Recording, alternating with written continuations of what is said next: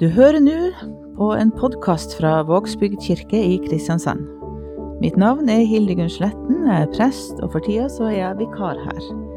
Vi har nettopp fått beskjed om at vi ikke kan ha noen eh, gudstjenester i påsken, og derfor har jeg invitert eh, Nils Terje, sognepresten, til en samtale om hva påsken betyr for han. Hei, Nils Terje. Hallo. Her er vi. Ja, her er vi. Kan Ja. ikke annet. Kan ikke annet. Vi skulle jo ha feira påske her i Vågsby kirke. Vi skulle jo ha gudstjenester. Og, og vi hadde håpet at vi kunne ha bålgudstjenester eh, alle helgedagene, men det får vi ikke lov til nå.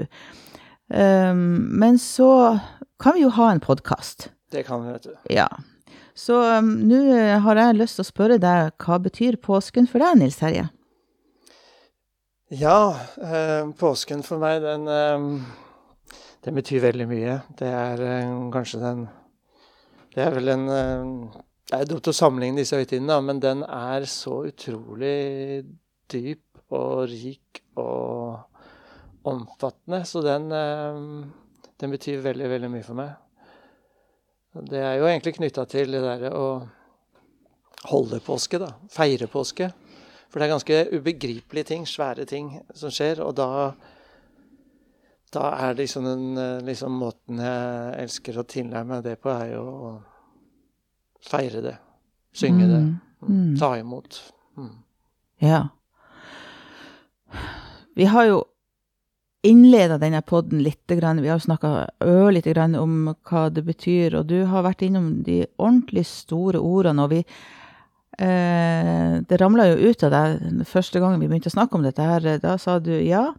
Nils Terje, Judas, Peter, Jesus og sånt. Og da heter du er innom egentlig Gjennom de personlighetene og karakterene så er du jo innom veldig mye av de, eh, de største ordene i påskehendelsen.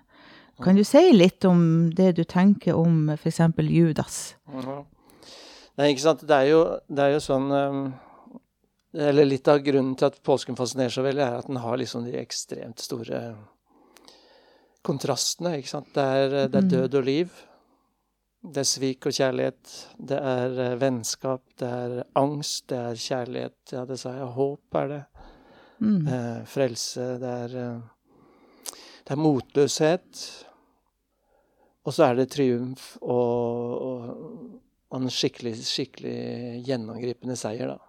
Og alle disse tingene, de har liksom De blir eh, De ser vi i liksom det derre persongalleriet mm. rundt påsketiden, den bibelske Den kristne påsken. Um, du ser det liksom på, på Peter, for eksempel. Uh, han er jo, Peter er jo den derre disippelen som blir lederen av disippelflokken, og det tror jeg er fordi han er liksom først frampå alltid. Han, eh, han våger å gå foran. Han er den som hopper ut av båten for å gå Jesus i møte på vannet. altså Gjør sånne hodeløse ting. Og han er den som mislykkes da desidert oftest. Han gjør utrolig mange tabber og sier mange dumme ting. Um, og det er, det er en sånn herlig skikkelse så- som jeg blir veldig glad i. Han, Han er jo på en måte en slags trøst for oss, mange av oss. ja, han er en trøst. Og så vil jeg si at han er et forbilde òg, fordi at han han, um, han våger. Han våger å by på seg selv. Han våger å kaste seg ut på de store dyp. Um, og han har en voldsom kjærlighet til mesteren sin da, som gjør at eh, Selv om han svikter altså så katastrofalt um, Han uh, fornekter jo Jesus tre ganger. Han banner på at han ikke kjenner Jesus. Og det er liksom bare et døgn etter han har sagt 'aldri'. Om alle forlater deg, skal jeg ikke forlate deg. ikke sant? Han er den. Så gjør han det. Og likevel så er det noe med Peter som gjør at uh, han uh, Han kjenner mesteren sin, så han på en eller annen måte, selv om han skammer seg intenst, så tror han at han kommer til å bli tatt imot igjen. Mm. Så når han møter den oppstandende Jesus på stranda, så er det liksom hans reaksjon det er nok en gang å hoppe ut av båten når de er ute og fisker. Og vasse, løpe inn mot stranda og hive seg rundt mesteren sin. da. det syns jeg er et sånn eh, et sånn fantastisk bilde at han som har svikta så veldig, han regner likevel med Tar det ikke som en selvfølge, men han regner med denne kjærligheten eh, Mm. hos mesteren sin, da, som gjør at han Ja. kommer tilbake. Mm, og så er det så rart, for det er så Altså, du skulle tro at uh, alle hadde kunne tatt imot Jesus på den samme måten, men så er jo Judas der, og han gjør jo ikke det Nei. på det viset. Sånn at uh, han har jo òg møtt Jesus og sett eh, de gjerningene han har gjort, og møtte møtt den kjærligheten og, og eh, Ja, det samme som Peter har sett. Han har sett det samme som Peter, men allikevel så er han eh, på et annet spor. Hva er det?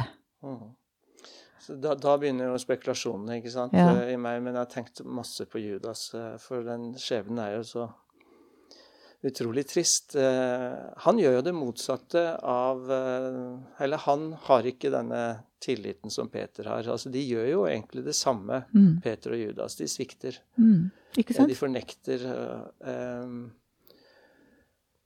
og Judas han går bort av historien i dyp fortvilelse, vender aldri tilbake. Den ene evangelisten sier han tar sitt liv. Og så er det mange andre historier om Judas, da, hvordan det Mm. ender. Men Judas, som du sier, han hadde jo ofra masse han for å følge Jesus, og var en del av de som var utvalgt av Jesus Mm, hadde hørt hans taler, blitt begeistra. og jeg tror eh, altså da, Det er jo spekulasjon, men jeg, eh, man tror jo at Judas var en av disse som kalles selotene. Mm -hmm. uh, og det var et, på en måte parti, en bevegelse, som eh, av radikale mennesker som ivra. Det betyr ivrere etter å hive romerne ut, ja. ut, ut i havet og Mm. frigi Israel som nasjon. De Det var en opprørsbevegelse. Det var en opprørsbevegelse, en motstandsgruppe, og noen Mm. ganger så tydde de til væpnet kamp eh, og sånt.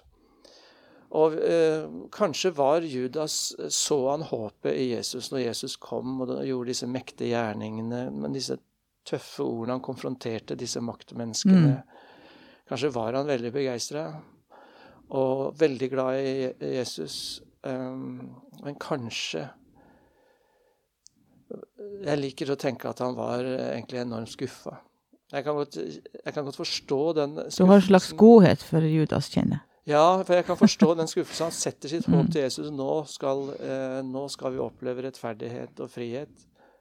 Og så begynner Jesus å snakke om eh, Det er en sånn vending i Jesus-historien. ikke sant? At han Mm. begynner å snakke om at han skal dø. Og lide og dø. Mm. Og det passa ikke inn i Judas sin, eh, sitt håp. Og egentlig er de to fortellingene Det er derfor Peter er så fin, ikke sant. Han er, han er fordomsfri på den måten at han eh, Han er liksom kanskje enklere, da. Han, han tar imot i større grad Jesus sånn som Jesus er. Og det er jo Mm. typisk også Peter som på en måte Peters bekjennelse. Det er han som eh, da klarer å lese hvem er han egentlig. Jo, han er Guds Messias. Ikke sant? Og setter fri mennesket. Det Mm. mennesket han møter, blir satt fri av Jesus. Mm. Mm. Ikke sant? Det er noe der. Ja, Mens, også- mens kanskje Judas har et prosjekt. Judas har, et, har en Han har noe han vil med Jesus. og Ja. Jeg tenker vi kan lære Mm. noe av det. fordi at veldig mange av oss kristne vi har liksom kanskje lært noe som barn, eller vært en del av et eller annet kristent miljø hvor Jesus har blitt et prosjekt som mener sånn og sånn, og det er sånn og Mm. sånn eh, han vil med samfunnet, Mm. og sånn og sånt. Og så har vi, eh, vi har mange eksempler fra Bibelen at Jesus har en tendens, da, for å si det sånn, til å gå sin egen vei. Han er Guds sønn, han går den veien Mm. han vil. Og denne, hele den Jesus-fortellingen er jo en påminnelse om det. Altså, det var jo ingen som hadde bedt Gud komme som et lite barn. Altså, det var jo på Slottet de lette når de først fikk den ideen. ikke sant? Mm. Men Gud valgte det sånn. Eh, Det var ingen som heia på han eh, oppover eh, bakkene mot Jerusalem for å lide og dø. Nei. Det synes de var et helt Det forsto de ikke, og det sier evangelistene hele tiden. De skjønte ikke hva han mente, forsto ikke hva han sa, forsto ikke meningen med det. Nei. Så Jesus var på mange måter veldig sånn aleine om det han gjorde. Og da tenker Altså Prosjektet hans var jo så mye større enn det de kunne forestille seg da. Ja. Og da tenker jeg Peter hadde kanskje lettere for å akseptere det, fordi han var mindre Han hadde ikke, han hadde ikke noen klare forventninger om hva han Mm. skulle være. da. Mm. Eh, Det er bare spekulasjon, men det er jo Mm. forferdelig trist, den eh, Judas-skjebnen, egentlig. Men, og det er typisk påsken, og den har noen sånne farger, eh, noen lys og mørke situasjoner som er både for mørke og for lyse, Mm. til at vi klarer å liksom fatte det helt, da. Ja, og samtidig så tar det jo oss Altså, da, den historien med Judas, og, og da også Peter og de andre, men særlig det med Judas, det tar oss jo inn i de mørkeste krokene i vårt menneskeliv. Mm. Vi er jo på en måte um, ofte fanga i noe, vi sjøl også, og, og, og ser det ikke sjøl alltid. Kanskje en dag, kanskje, men, men dette med Judas tar oss Det rommer jo hele livet, det at Judas er med. Det at Judas er med i denne historien, Mm. er jo også med på en å, skyggelegge den, holdt jeg på å si. At vi, det er ingen eh, skygger som eh, ikke er med her. Nei, det er ikke det. Og det, det er vel kanskje ingen skygger som ikke er med i våre egne liv også. Nettopp. Sånn at vi eh, Jeg tror vi kan finne gjenkjennelse i alle de personene som Mm. figurerer. Ikke bare eh, Peter og Judas, men eh, Pilatus og Mhm. Herodes og eh, ja, hele flokken. Mm. Og kvinnene som ble vitne til oppstandelsen. Det er så mange Altså, nå, nå tar jo disse, denne påskefortellingen ganske stor plass i alle evangeliene. Mm. Men der, den kan du virkelig lese sakte, og kanskje er det det vi bør gjøre denne påsken hvor vi ikke kan gå til gudstjenester og sånt. At vi, Mm. vi kan lese den så sakte at vi, vi lever oss inn i de ulike personene. Mm. Og, og, og forsøker å se det fra, med deres øyne, da, det som skjedde. Har du et evangelium som du er mer glad i enn noen andre når det gjelder eh, påsken? Ja, men det har forandra seg sånn eh, opp gjennom eh, Faktisk. Eh, men jeg har det. Jeg har jo sånn men, eh, Og det er kanskje Lukas, da. Men det er fordi han er så utrolig Nå er jo Lukas og, og Matteus og Markus veldig like. Mm. Johannes skiller seg jo ganske mye ut i påskefortellingen, men, men påskedagen, den er ganske forskjellig beskrevet hos evangelistene. Ehm, og det, påskedagen, eh, sett med Lukas' øyne, den syns jeg har så utrolig mange fine ting over seg. Men eh, det svinger. Men eh, de som kanskje nå hører på oss, eller vil høre på oss i løpet av denne påsken, de, de må kanskje velge mellom de tre. Vil du anbefale dem Lukas, da, kanskje? Eh, ja, det kan jeg godt. Det er jo generelt sånn at jeg anbefaler de som liker å lese kort, å lese Markus. Han er liksom journalisten blant dem, som skriver liksom lite taler og sånt, men mye action. Og så er det de filosofene og poetene, de burde lese Johannes. Mm. Eh, og så kan de som er eh, opptatt av sosial rettferdighet, og de som er utenfor, og, og historie og sånt, de kan lese Lukas. Og så kan de som er opptatt av sammenhengen Det gamle testamentet og det nye, lese Matteus. Eller så burde man egentlig lese et annet enn det de er så opptatt av. Ja. Du har sagt uh, i løpet av uh, innledninga til denne podden at uh, Jesus eh, døde en umandig død. Eh, og det Du sa også at det er en ærlig fortelling, men altså, jeg ble jo veldig um, Ja, fascinert av det å kalle det en umandig død, fordi det går det jo fint an å si, men jeg har ikke hørt noen si det ordet der før. Vil du si noe om hva som leder deg inn på det ordet? Ja, altså det var jo altså Halvor Moxnes skriver om dette i Nå husker jeg ikke hvilken bok det er, forresten. Men uh, det er en av hans bøker. Um, og det er jo ganske oppsiktsvekkende. Det er veldig fascinerende at evangelistene fremstiller Jesu reaksjoner sånn som de gjør. Fordi det som var gjengs i de eh, relativt sett få biografiene fra den tiden, det var jo at store menn de døde med stoisk ro og et voldsomt mm. mot og tapperhet. Så mm. de hilste alt dette velkommen og møtte det med fullstendig balanse, liksom. Det var sånn store menn skulle møte døden. Og så skriver de da altså, Jeg vet ikke om de var noen gode selgere i det hele tatt, fordi de, de, de maler ut Jesus sin angst og, eh, og frykt og lidelse eh, på en mm. måte som bryter veldig med, med idealet, da. Mm. Eh, og det syns jeg er eh, både fascinerende og veldig ærlig og veldig flott. Og det vet jeg jo mange mennesker har funnet veldig trøst i, at den angsten de er i, den kampen de er i, der har Jesus vært. Der er de ikke alene. Mm. Der har selv liksom mesteren stått. Um, det er ikke noe Det er ikke noe uh, ufromt eller tegn på at man ikke har forstått ting eller uh, sett ting, og å være redd for sin egen lidelse eller død. Um, det er menneskelig. Mm. Og vi reagerer forskjellig i møte med sånt, men at det står at Jesus hadde så sterke angstsymptomer da. Mm. på dette, det tenker jeg er evangeliet til nøtteskall. Det er, det er du tenker på Getsemane? Mm, mm. Getsemanehagen, ja. Hvor han også ber om at dette beger skal bli tatt fra ham, men ikke som han vil, bare som Gud vil, ber han. Um, den beskrivelsen er da ikke sant, i sin tid en umandig måte å møte døden på. Mm. Uh, men det, som sagt, jeg tenker det er veldig typisk evangeliene og egentlig noe som særpreger kristendom, nemlig denne ærlige Eh, altså, denne troen skal hjelpe oss til å, til, å, til å, se livet slik som det er. da. Ja, våge, våge, å se livet sånn som det er, og ikke dikte opp en mange eh, alternative ideer, men altså møte livet sånn som det kommer.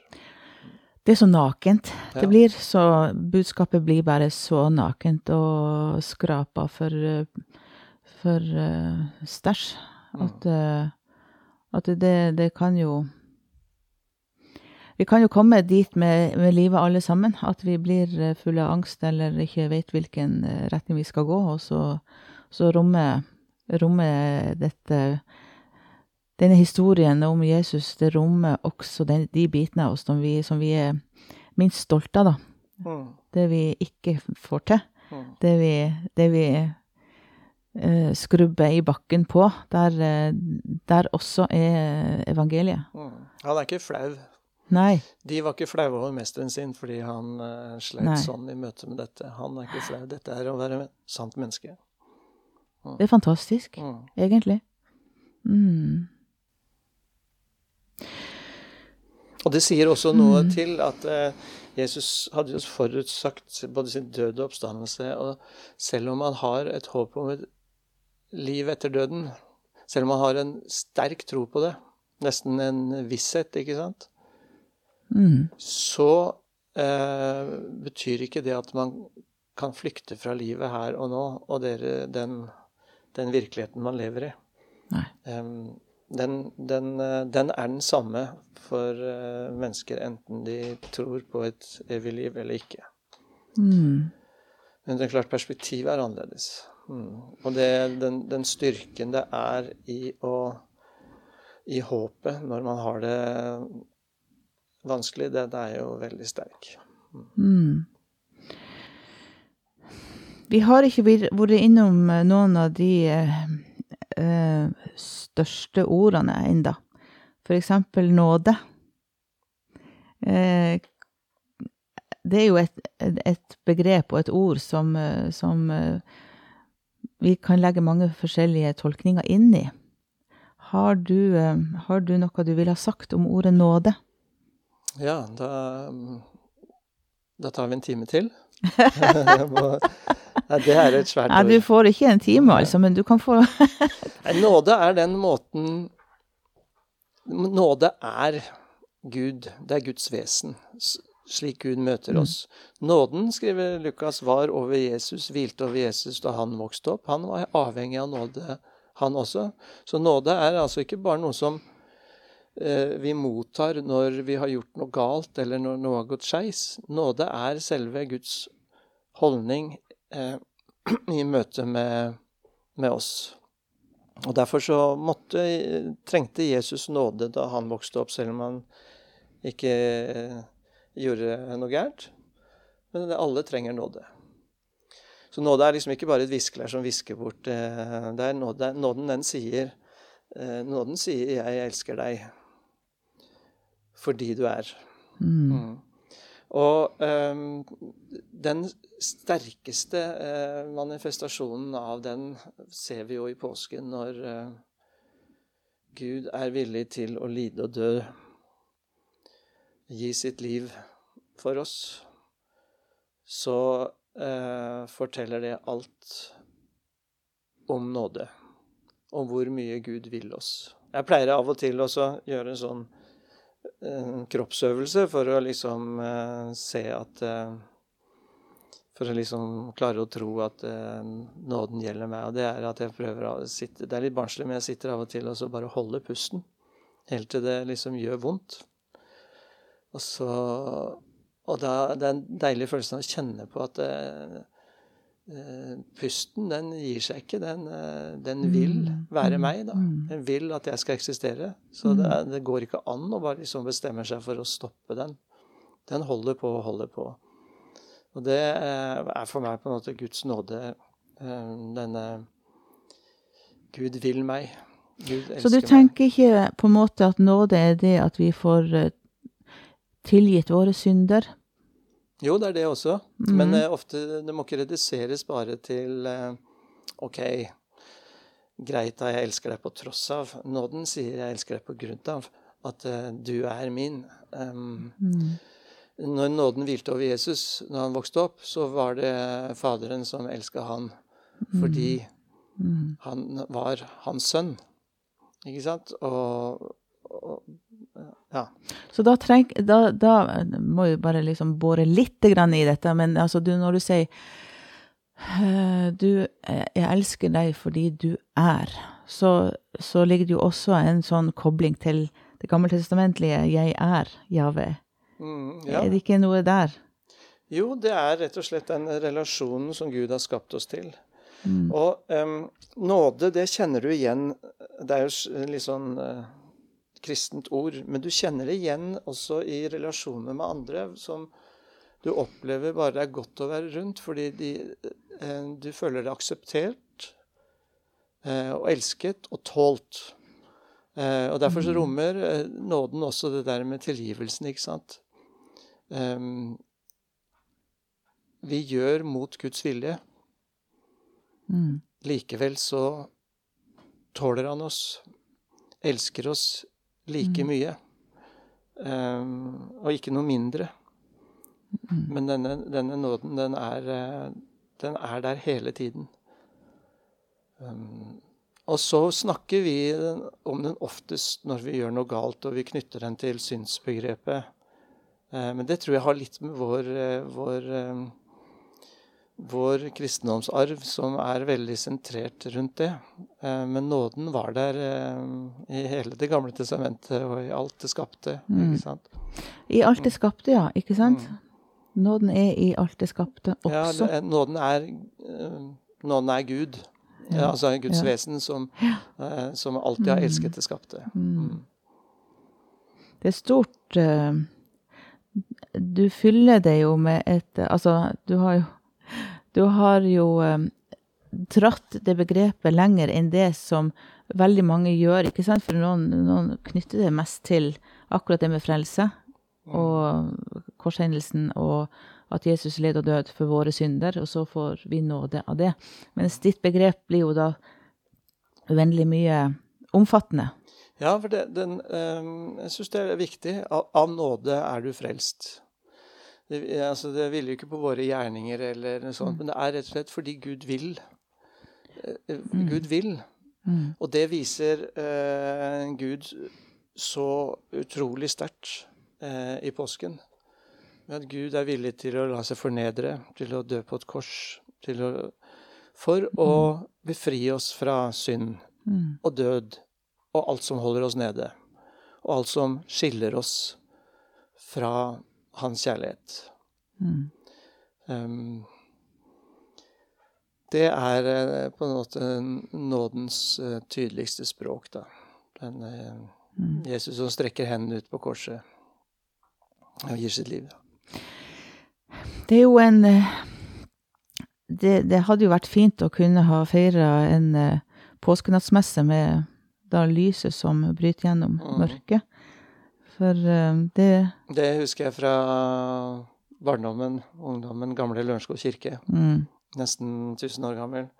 Stått der gjennom svartedaud og alle sånne mm, hundreårskrig og alle sånne ting. En ganske liten kirke, og det å komme inn i kirken det er helt mørkt på påskenatt, mm, og så kommer det noen Det var en følelse av at det var noen engler som kom inn i hvite drakter og sang så utrolig vakkert, denne gamle Exultet, denne påskenattshymnen. mm. Det er, no, det er kanskje den første opplevelsen jeg har av um, Wow, påske er uh, ah, fantastisk. Mm. Ja. Og så tennes lyset i kirkene etter hvert som påskeoppstandelsesbudskapet blir forkynt. Og så, um, så gikk vi gjerne ut da til, på kirkegården der og sang 'Deg være ære' blant alle gravene. Mm, det var utrolig flott. Deg være ære. Ja. Herre over dødens makt. Nei. Mm. betyr veldig Altså, oppstandelsen er jo eh, Jeg hadde ikke orka å vært prest og stått ved graven og hatt disse begravelser hvis ikke jeg trodde på oppstandelsen fra de døde. Det er eh, Og, og oppstandelsen er altså så eh, ubegripelig svær at eh, det er der jeg trenger å feire dette og gjøre dette. Altså si det derre Alltid ved graven sier vi 'Lovet være Gud, for Herre Jesu Kristi Far'. Han som i sin rike miskunn har født oss på ny og gitt oss et levende håp ved Jesu Kristi oppstandelse fra de døde. Mm. Og det på påskedag å synge 'Deg være ære', 'Påskemorgen', 'Slukke sorgen' Alle disse sangene. Det er da det demrer for meg at døden er beseiret. At Jesus har vunnet. Det er liksom ikke sånn det er liksom ikke sånn eh, man liksom går og regner seg fram til, eller ja, tror jeg på det eller ikke. Nei. Eh, man må feire det. Man må liksom Ja. ja. Det, det er dette du ville ha snakka om på påskedag? Er det det? Ja, egentlig. Jeg, men Ja. Jeg, nå har jeg kanskje gjort for mange påskedager. Men det, det, det, dette Du må gi deg hen til dette budskapet. Mm. Eh, altså, ingen av disiplene trodde dette. Altså, når kvinnene kom og sa at uh, han er stått opp, så kalte de det løs snakk. De ble sinte på dem. Mm. Det skjønner jeg jo godt, egentlig, for at du skal ikke tulle med sørgende mennesker. Men så demrer det for dem også. Mm. Og så går de ut i verden og forteller dette budskapet, og så får de møte han på en del opplevelser. Så skjønner de også at dette er for svært. Du kan ikke ta imot dette utelukkende basert på kalkyler, liksom. Nei. For at ingen mennesker står opp fra døde. Nei. Men så får de møte ham. Mm. Og det gjør vi gjennom feiringen, gjennom tilbedelsen, gjennom syngingen, gjennom å dele brød og vin. Ja, gjennom å feire det, altså. Gleden. Gleden, ja. Mm. Ta inn gleden. Mm. For vi bakser jo ofte med den uh, troa vår. Mm. Hvor mye er det du kan uh, liksom regne Altså hvor mye er det, som du brukte ordet regne deg Du kan ikke regne deg fram til til uh, oppstandelse. Du kan ikke egentlig regne deg fram til en gud heller, kanskje. Altså, noen er jo opptatt av det, at det er rasjonelt, det vi gjør. Eh, men det brytes jo Mm. på et tidspunkt. Så, så må vi bare overgi oss. Og, og det er jo en fin måte, det du sier, da, at det, du må gi det hen til feiringa. Mm. Det kan være rasjonelt selv om vi ikke forstår det. Å, det er ikke sikkert det er vi som er de smarteste i universet. Uh, nei, men det er noe med at da nås du av noe. Akkurat som Maria da hun Hun, hun trodde hun traff gartneren der ute, ikke sant? Mm -hmm. uh, uh, men det var den oppstandende Jesus, men hun kjente han ikke igjen, ikke sant? Nei. Før han sier Maria, navnet hennes, ikke sant? Ja.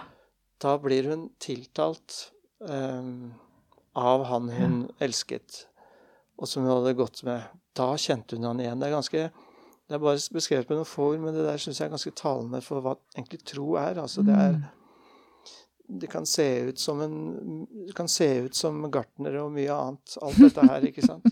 Men når du tiltales av det, møter det, så er det noe som eh, treffer hjertet ditt. Og det er ikke så lett å bare legge fram på en, en sånn formel, altså. Og det er jo det vi prestene, da, prøver å nå ut til menneskene vi møter, med denne, denne eh, gleden over å, å, kunne si til folk at du er, du er Guds barn, du er villet, du er, du er elsket. Mm. Det, det å, å, bryte gjennom alle de eh, Den motstanden som folk da også er, har mot å ta imot det budskapet, eh, det er jo en utfordring å liksom klare å å bane vei for dette fantastiske mm. budskapet, det er jo også noe vi Det er heldigvis ikke bare prestene. Det er uh, alle de andre frivillige og ansatte, alle kristne, som strever med det. Vi er ikke ja. aleine, heldigvis. Nei, vi er ikke det. Mm. Ja, du har vært innom noen uh, påskesalmer allerede. Er det noen som er din favoritt, da? Ja.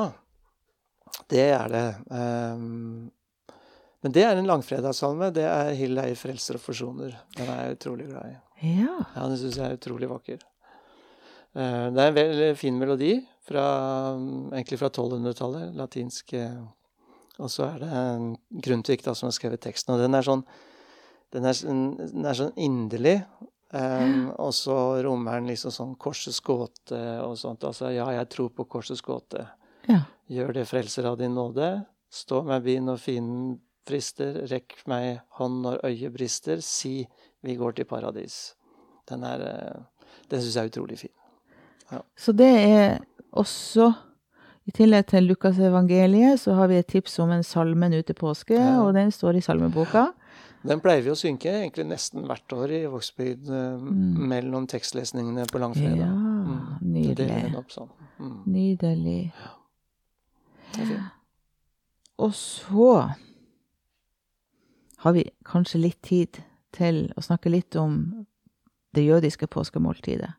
Fordi ja. du er begeistra for det, den fortellinga der. Ja, jeg er jo en påskejunkie, og for ja, det var 30 år siden så var jeg med på et jødisk påskemåltid. Og det var en uh, utrolig fin opplevelse som jeg har tatt med meg uh, inn i livet videre, da. Så hver påske, når det ikke er pandemi, så inviterer vi masse folk. 30-40 stykker med små barn, ungdommer og voksne. Hjem til deg i stua di? Ja, vi sitter kjempetrangt. Og så har vi et eh, påskemåltid etter den jødiske ordningen, da, som er kanskje 2500 år gammel. Eh, så det, er jo kanskje, det må jo være det eldste liksom, måltids, eh, kjente måltidsordninga vi vet om. Og det de gjør, da, som er veldig fascinerende, det er, det er et måltid som er bygget rundt fire beger med vin, hvor man skåler for um, livet og for friheten og for frelsen og for håpet og velsignelsen. Eller, ja nå ble det fem, men det er ikke det. Det er eh, livet eh, og frelsen, eller friheten, og velsignelsens beger og håpets beger. Det er liksom ordna rundt disse begerne. Men så smaker man på masse ingredienser. Surt og salt og bittert og søtt.